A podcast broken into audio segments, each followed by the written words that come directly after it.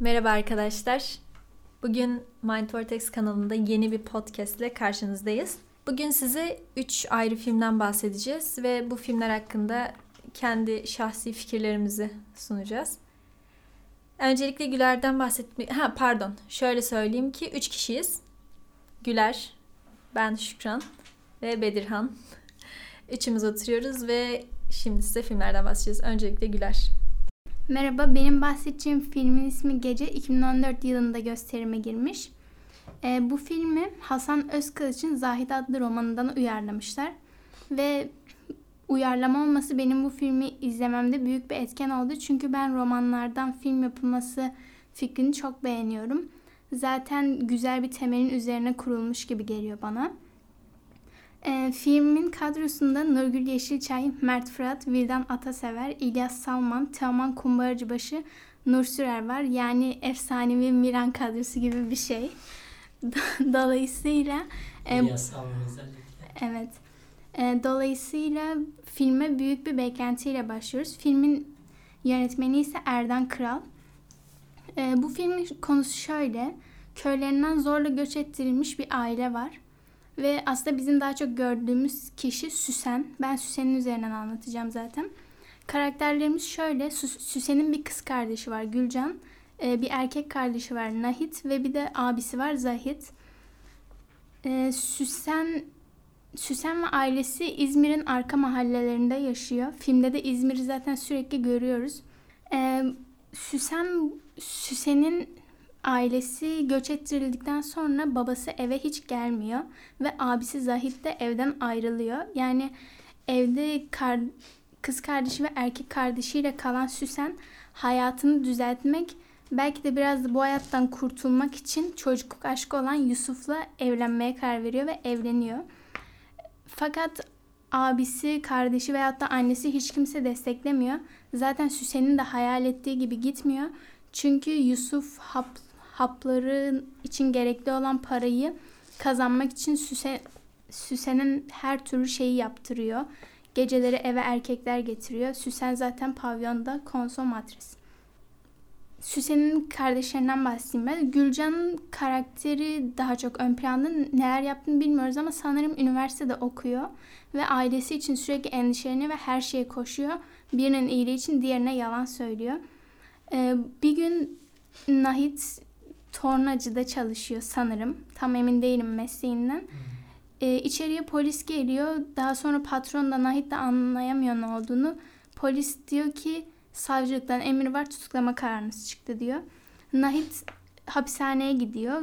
Gülcan onu belirli aralıklarla ziyaret ediyor. Fakat öğrendiği gerçek şu, fakat eve geldiğinde annesine diyor ki anne ben seni götüremem çünkü yol çok uzun. Sen zaten dayanamazsın. Anne zaten ziyaretçi sayısını bire düşürmüşler. Anne ziyaretçiyi kaldırmışlar vesaire diye yalanlar atıyor. Çünkü öğrenmesini istemediği şey Nahit açlık grevine girmiş ve günden güne zayıflıyor. Öleceğinden herkes emin. Peki neden girdi neler bir bilgi var mı? Hayır hiçbir şekilde giriyor. Diyor ben açlık grevine başladım diyor. E, Gülcan diyor abi yapma diyor. Niye böyle yapıyorsun diyor. Zaten bütün görüşmeleri ağlamakla geçiyor. Ne bu konudan bahseden var. Yani hiç şöyle denilmiyor. Bu Nahit neden açlık grevine girmiş? Sonucunda ne olacak? Ölmeyi mi istiyor?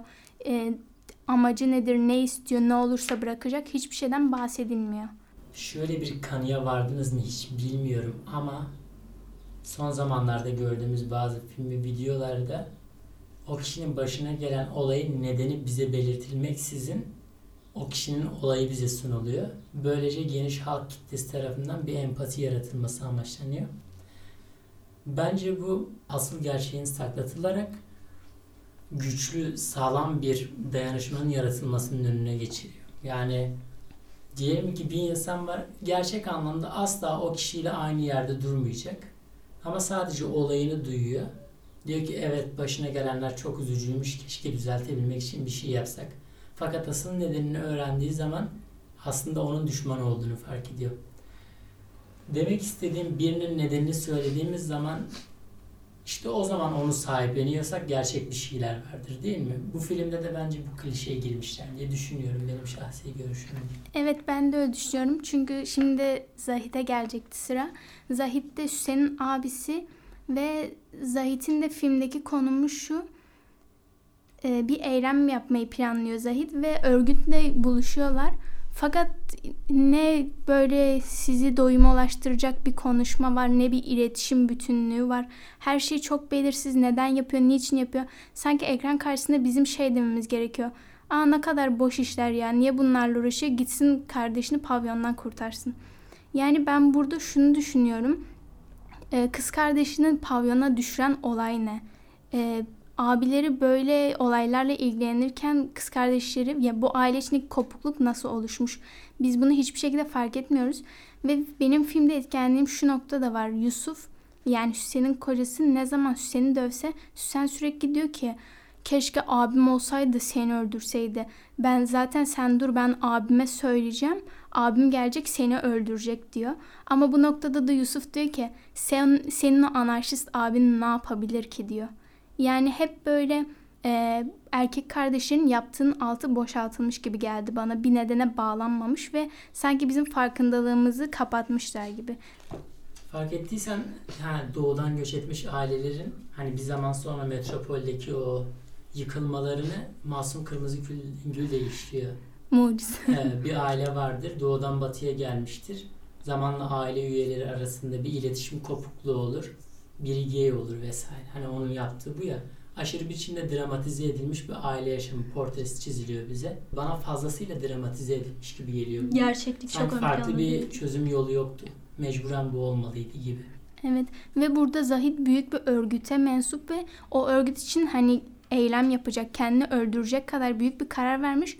Fakat kendi evinin içinde daha örgütlenmemiş bir insan nasıl böyle büyük bir... Ailesinden herhangi birine bu bilgiden bahsetmemiş bile. Evet annesi nasıl umutla bekleyebiliyor yani Evet. sonuçlarından neden haberdar değil? Benzer şekilde e, şu Duvar filmini yapan Alman Türk Fatih Akın. Evet onun da bir filminde orada da Nurgül Yeşilçay o kadın oynuyordu sanırım. Aa evet. Açlık grevine giriyorlardı. Orada da bir açlık grevine ilişkin bir boşunalık vurgusu var. Beyhude ne anlamı var ki gibi. Evet. Yani benim şahsi görüşüm şu açlık e, grevini neredeyse hiç savunmuyorum. Benim için çok korkunç bir olay bu. Fakat buna rağmen o insanlar hakkında görüşte bulunamam. Sonuçta onlar hangi insan durduk yere açlık grevine girer ki? Bu artık bir zaman sonra bitmişsindir.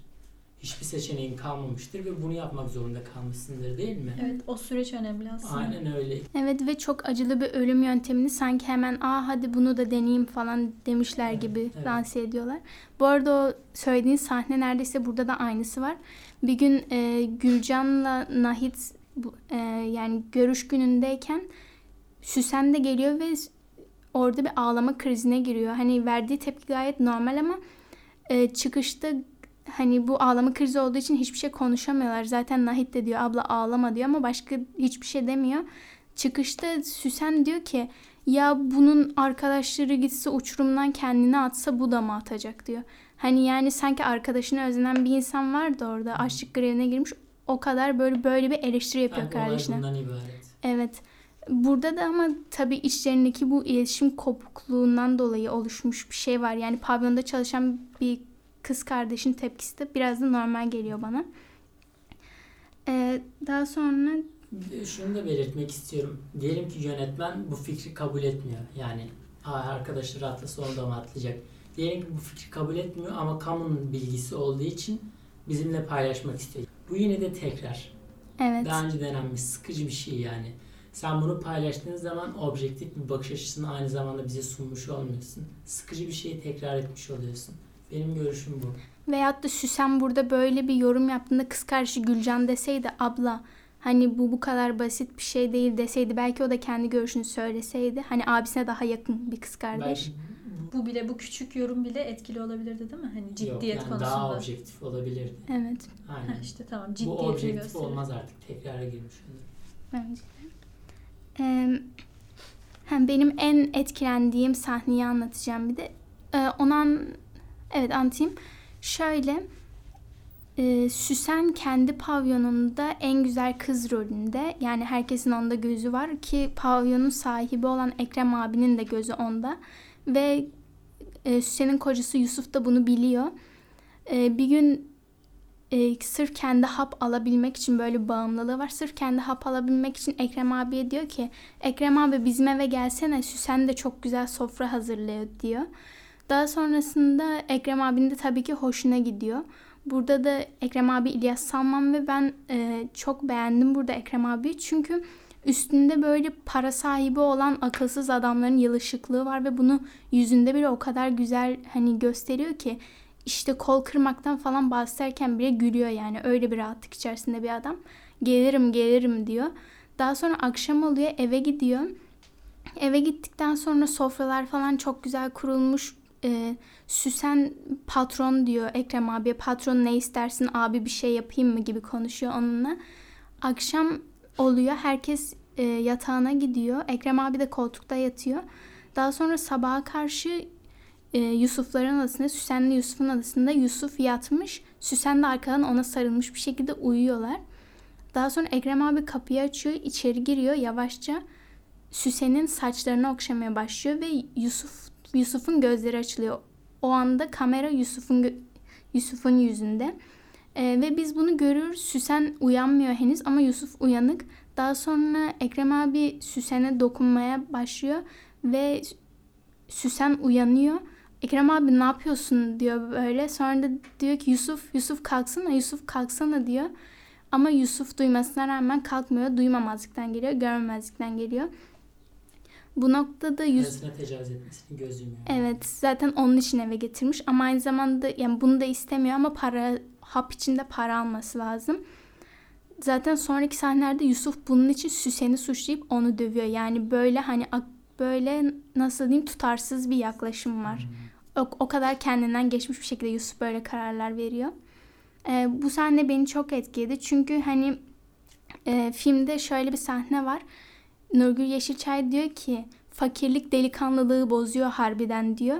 Bu noktada gerçekten Yusuf'un delikanlılığını fakirlik bozuyor. Hani sevdiği kadını belki yani sat, satıyor bildiğiniz. Ee, bu benim en sevdiğim sahneydi.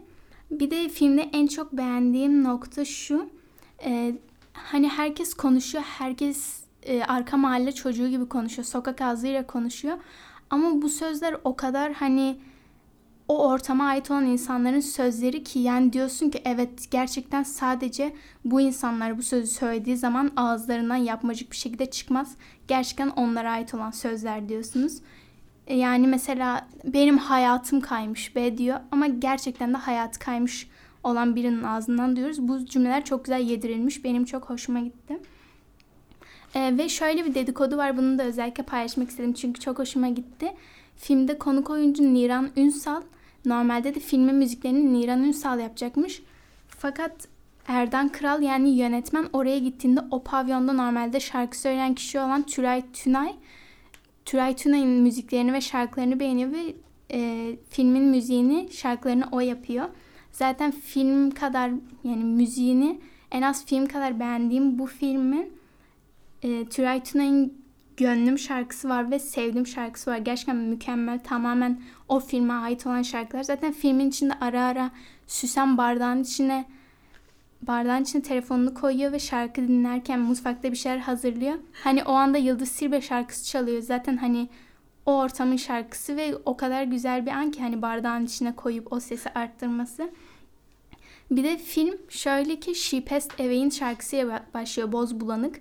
Ve bu benim aşırı hoşuma gitti. Çünkü hani İzmir'i görüyoruz ama İzmir'in o arka sokaklarındaki evlere punk... Layıklığın başkenti.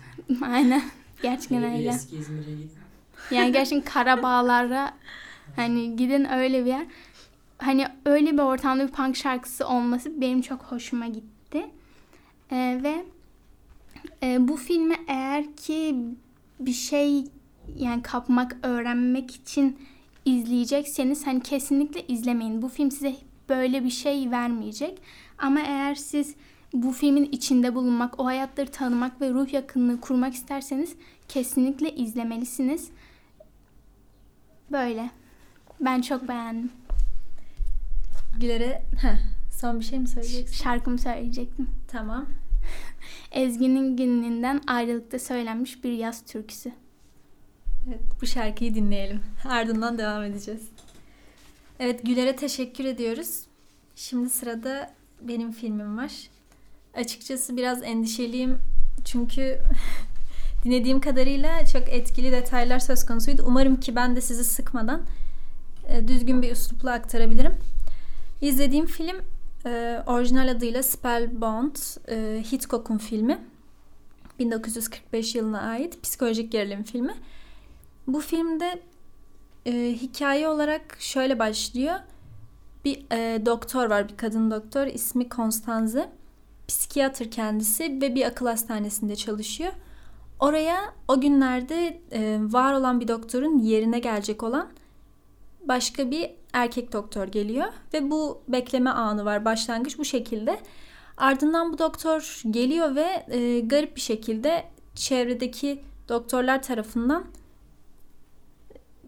garip karşılanıyor. Yani e, doktorun hareketleri, bazı tepkileri vesaire insanı şüpheye düşürecek şekilde. E, bu arada bu bizim kadın doktor bu erkek doktorla ilk görüşte bir etkilenme durumu söz konusu oluyor. Baş karakterimiz Ingrid Bergman bu arada.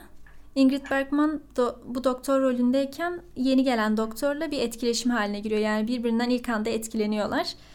Bu benim izlediğim bu filmin gerçekten de önemi bence aşk. Yani aşkın önemini görüyoruz bu filmde. Genel itibariyle e, filmin başında ve sonunda bu aşkın yoğunluğuyla olaylar gelişiyor. İzlediğim e, pardon okuduğum kısım bir dakika dur orayı kesersin. Birçok yerden okuduğum kadarıyla işte birkaç sahneye dikkat çekilmiş işte denilmiş ki süt sahnesinde renklerin etkisi vesaire çok etkileyici ya da son sahnelerde silahın şekli, bakış açısı tam olarak Hitchcock'un tarzını yansıtan tarz e, şekilde denilmiş. Fakat benim açımdan en etkileyici noktalar kesinlikle bunlar değil. Benim açımdan en etkileyici nokta burada bizim e, baş karakter olan Gregory Peck Peck'in canlandırdığı doktor e, bir hasta rolünde yani burada diğer doktorlar tarafından da kabul edilen amnezi hastası e, rolünde. Ve bu kişinin çocukluğunda yapmış olduğu bir hatadan dolayı e, bir suçluluk duygusu var. E, bu suçluluk duygusuyla birlikte yakın zamanda e, o akıl hastanesine esasında gelmesi gereken doktoru öldürdüğünü düşünüyor. Yani filmde film bunun üzerinden gidiyor aslında. Katilin bu kişi olduğu düşünülüyor. Bizim bu erkek doktorun ismi J.B şeklinde geçiyordu sanırım. Çünkü e, bir mektup bırakıyordu akıl hastanesinden ayrılmadan evvel. Bu ayrılma noktasında şu şekilde aktarabilirim. Şimdi nereden buraya gelindi denilmesin. Şöyle ki e, bu akıl hastanesinde bulunan doktorlar bu gelen doktordaki e, şüpheden ötürü yani bir bakıyorlar hani bir gariplik var bu adamda. Sanki gelen o doktor değil de bir absürtlük durumunun söz konusu olduğunu fark ediyorlar. Ve bununla ilgili bir şeyler yapmaya kalkıştıkları sıra bu bizim erkek karakter oradan kaçıyor. Ve kaçarken de aşığına bir mektup bırakıyor. Bu mektupta da imzasını atarken aslında e, esas yani esas karakterinin detayını bırakıyor. JB yazıyor. Kendi ismi aslında bu. Ve sonra işte bu aşığı bu olayın üzerine düşüyor. Çünkü biliyor ki gerçekten de hani o katil değil. Bunun yani bunu düşünüyor ve bunu savunuyor. Fakat film itibariyle herkes katilin o olduğunu düşünüyor ki biz de öyle düşündük. Ardından bizim e, doktorumuz, bizim kadın doktor aşığının peşinden gidiyor ve ona yardımcı olmak istiyor. Onun hastalığını yok etmeye çalışıyor ve onun hastalığını yok etmek için çok fazla çaba sarf ediyor. Hatta bu hasta e, bile bunu kesinlikle kabul etmiyor. Çokça e, sona erdirmek istiyor ve de e, canına bile kastetmeye kalkışıyor. Bizim doktorumuz, kadın doktorumuz onu alıp e, şeye gidiyor. Eski bir dostu olan başka bir doktora gidiyor ve bu doktor e, bir gece yarısı bizim bu erkek doktorun pardon erkek doktor diyorum erkek bizim bu hastanın hasta ve doktor olarak belirteceğim. Bizim hastanın tehlikeli e, bir insan olduğunu ve bir e, sağlık problemi olduğunu kesinlikle kabul ediyor ve bizim kadın doktora diyor ki işte sana yardımcı olacağım polise haber vereceğim falan diyor. Çünkü seni gece yarısı öldürmek istemişti. Bunun için uyumadım vesaire diye belirtiyor sonraki gün. Fakat e, bizim kadın doktor yardım istiyor ondan ve diyor ki işte lütfen hani bana inan. Aklım bittiği noktada hani ben kalbimin derinliğine inanıyorum ve onu seviyorum. Onun kimse tarafından görülmeyen karakterini biliyorum diyor.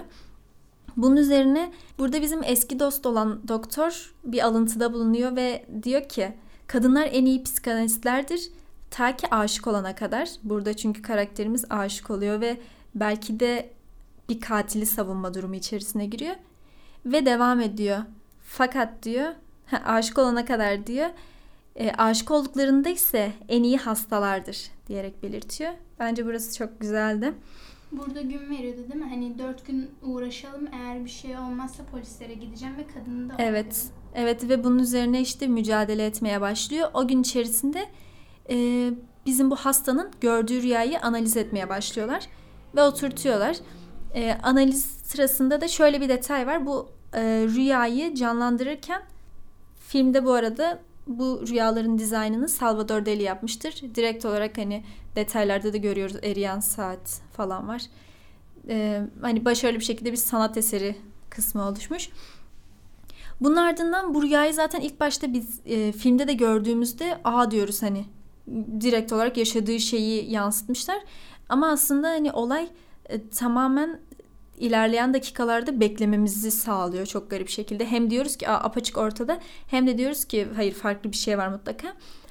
Filmin sonlarına doğru da bu bizim doktor esasında e, bu kişinin, bu hastanın küçüklüğünde yaşamış olduğu bir olaydan dolayı suçluluk duygusu içerisinde olduğunu e, açığa çıkarıyor ve onun katil olmadığını ortaya gayet açık bir şekilde sunuyor. Burada aşkın gücünü görüyoruz gerçekten. Çünkü eğer ki aşık olmasalardı bu kadar çok üzerine gitmeyebilirdi belki de ve aynı zamanda bunun gerçekten de bir hastalığının olduğunu ama bu hastalığın kesinlikle bu suçluluk duygusuyla alakalı olmadığını, gerçekten de böyle birini öldürdüğünü ve onun yerine geçmiş olduğunu gösteren bir hastalık olarak kabul edebilirlerdi. Bu şekilde yani filmi genel itibariyle çok beğendim zaten. Beğendiğim detayları da belirttim. Umarım ki sıkılmamışsınızdır. E, mutlaka da izlemenizi tavsiye ederim. Gerçekten de psikanalizi ve aynı zamanda rüyalarla ilgili detayları ve de rüyaların gerçek hayatla olan ilişkisini çıkarabileceği gerçekleri apaçık bir şekilde sunuyor. Gerçek bir Freudian film. Aynen. Direkt olarak Sigmund Freud'un psikanaliz teorilerinden yararlanılmış zaten. Ben bu filmi izledikten sonra yani hemen Freud okumak istedim. Çok ilgimi çekti gerçekten. Evet. evet. Merak ediyor yani insan. Nasıl evet. bu kadar açığa kavuşturuluyor bu kadar derinde olan bir şey diye. Evet teşekkür ediyorum. Şimdi e, sizi söyle. evet şarkı öneri şimdi sıradaki şarkı benden size gelsin. Son filmimiz için Bedirhan'ı dinliyoruz. Evet sendeyiz. Teşekkür ederim. Şarkınız çok güzelmiş bu arada. Teşekkür ederim. Benimki? Sizinki de epey güzeldi. Güler Hanım. Benim söz edeceğim film ise Akatone. 1961 yapımı. Pasolini'ye ait bir film. Film Roma'da geçiyor. Roma'nın çirkin tarafında. Turistlerin giriş yapmak için 100-200 dolar verdiği mimari yapılar yok burada. Savaştan sonra tamamen yıkılmış, çöplüğe dönmüş Roma'nın tarafları. İsim Akatone kendisi böyle adlandırılmak istiyor. Karşılığı ise dilenci. Bu kişi aynı zamanda filmin başrol oyuncusu. Kadınları satarak hayatını ve yolunu bulmaya çalışan bir pezevenk. Daha doğrusu üretim ve tüketim çarkına dahil olmadan kendine özgü bir biçimde yaşama baş kaldırıyor. Yakın çevrenizde böyle insanlara denk gelmeniz imkansız değil. Çalışmayı kesinlikle sevmeyen. Bir insan çalışmayı sevmeden yaşamını sürdürmek isteyebilir mi? Evet isteyebilir. Ölene kadar çalışmak zorunda değiliz. Hatta bence sisteme bir uyumsuzluğun Evet olabilir ama her anlamda makbul sayılamaz bu durum. Evet. Sonuçta üretime katkıda bulunmak için belirli miktarda çalışmamız da gerekir. Ve de çok zor bir durumda kaldığımızda buna mecbur da olmalıyız bence. Kesinlikle öyle. Ben bu filmi üç ayrı kavram ve üç ayrı sahne üzerinden yorumlamak istiyorum. İlki ahlaki çöküş, ikincisi iletişim, üçüncüsü özcülük. Öncelikle Akatone'nin 3 tane birlikte olduğu kadın var belirli aralık ve sahnelerde. Bu kadınlardan ilkinin adı Maddalena, ikincisi Stella, üçüncüsü ise daha önceden birlikte olduğu ve birlikte çocuk yaptığı bir kadın. Bu kadının pek yer vermiyor filmde. Bir gün Akatone tamamen parasız ve pulsuz iken o kadının kaldığı muhite gidip ondan para dilenmeye çalışıyor. Fakat önceki sahnelerde o kadının kardeşinden dayak yediği için gitmeye artık cesaret edemiyor. Bu sırada tamamen boş bir arazide, inanılmaz derecede sıkıcı ve dramatik bir ortamda kendi oğlu şişelerle oyun oynuyor. Kendi başına. Hakatone usulca yanına yaklaşıp bir türlü beni tanıyamadım ben senin babanın baban deyip ondan öpücük istiyor. Çocuğu zoraki bir biçimde onu öperken gizlice boynundaki altın kolyeyi alıyor. Tamamen düşük bir yaşamın ifadesi bu.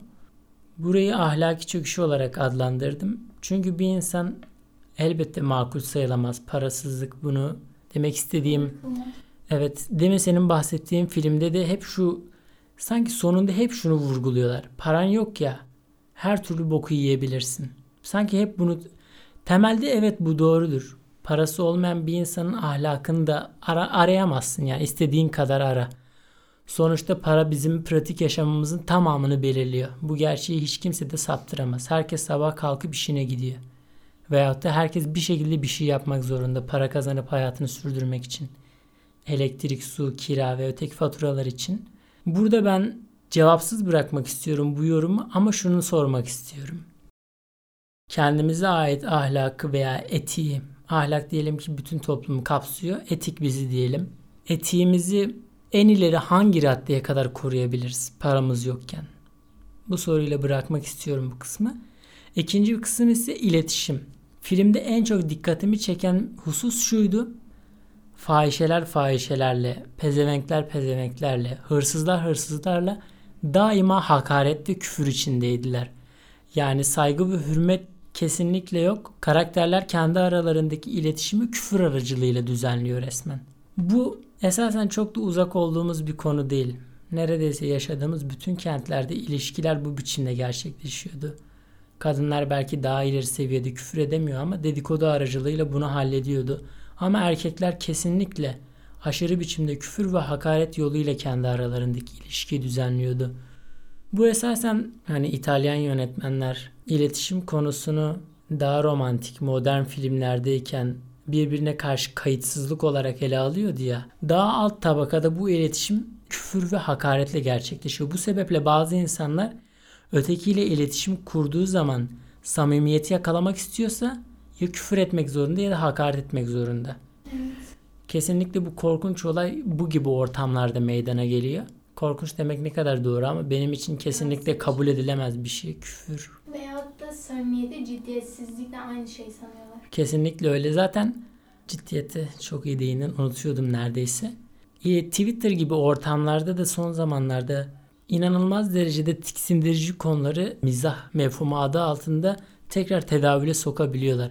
Ama çok daha derinde bu bir çeşit mağlubiyetin ifadesidir bana göre. Palm Sokağı Çocukları filminde de gördüğümüz gibi hepimiz hatırlıyoruz. Orada 8-15 yaşları arasındaki çocuklar kendi aralarındaki mahalle savaşları, olaylarını son derece ciddiyetle ele alıyordu ve bu ciddiyete bağlı kalarak da çok inanılmaz bir örgütsel faaliyet yürütüyorlardı. Parklarını kendi savaş alanlarını çeviriyorlardı. Buna bağlı olarak da gruplaşarak savaşlarını sürdürüyorlardı. İnsanlar camlara çıkıp onları heyecanla izliyordu vesaire vesaire. Filmin sonunda tabii ki de tüm bu anlamsız şeyler için bir çocuk öldü mesajı gibi bir şey çıkıyor ama o yaşlardaki ve o zamandaki insanların bu konulara bu kadar yatkın olması beni gerçekten çok mesut etmişti, mutlu etmişti. Görünce hoşuma gitmişti. Çünkü bir birlik, beraberlik, bir cemaat olgusundan söz edebiliyorduk. Ama şimdi ilişkilerimiz küfür ve hakaret üzerinden devam ediyor eğer edecekse. Özellikle alt tabaka proletarya arasında. Burjuvazi için zaten iletişim konusu tamamen kayıtsızlık, o bu gibi e, meseleler üzerinden devam ediyor. İletişim konusuna ilişkin söylemek istediklerim spontaneler falan buydu tam olarak. Üçüncüsü ise özcülük. Filmin bir sahnesinde bir kadın 4-5 tane erkek tarafından aracı alınıyor. Bu kadın fahişe ve ücra bir bölgeye götürülüyor. Daha sonra orada o kadını alıp götüren grubun lideri tamamen sapkınca davranışlarda bulunuyor. İyi niyetli davranıyormuş gibi görünüp suratında o tebessüm asla eksik olmuyordu. O kadar iğrençti ki. Mükemmel bir oyunculuk göstermişti. Yanındaki arkadaşlar ise o kadına e, belirli belirsiz zamanlarda şiddet uyguluyordu. İlerleyen sahnelerde kadına tecavüz ediyorlar ve onu işini tekrar yapmaya devam etmemesi için sakat bırakana kadar dövüyorlardı. Gitmeden evvel de cüzdanının içine bakıp parasını almak için göz atıyorlardı. Fakat cüzdanın içinde birkaç kuruştan başka para yoktu. Bu sahneye değinmemin asıl sebebi ekşi sözlükte bu sahneyi birisi alıntılayıp insan insanın kurdudur tespitini onaylamak üzere kullanmış. Ben bu sahneye ve bu yoruma şu açıdan karşı çıkıyorum. Thomas Hobbes bu tespiti yaparken mezhep savaşlarının cereyan ettiği iğrenç İngiltere'de yaşıyordu. İnsanların birbirini boğazladığı, anlamsız yere öldürdüğü bir ortamda yaşıyordu. Bu tespitini de o ortamın koşullarından yani Thomas Hobbes kendi koşulunun tespitini yapmıştır. Bu sahnede de insan insanın kurdudur tespiti yapılamaz çünkü İkinci Dünya Savaşı'ndan çıkmış fakirlikten ölmek üzere olan İtalya'nın sahnesidir bu. Fakir insanlardır, iğrenç bir ortam vardır ve bunun sahnesidir bu. İnsanların koşullarının özellikle ekonomik koşullarının iyi olduğu bir dünyada böyle şeylerin daima cereyan etmesi mümkün değildir. Dolayısıyla böyle olayları doğamızda aramak yerine koşullarımızda aramak ve koşullarımızı düzeltmek gerekir diye düşünüyorum. Evet. Film hakkındaki bütün görüşlerim bundan ibaret. Gayet güzeldi. Ağzına sağlık. Teşekkür ederim. Bedirhan arkadaşımızın şarkısı ise Björk'ten Yoga.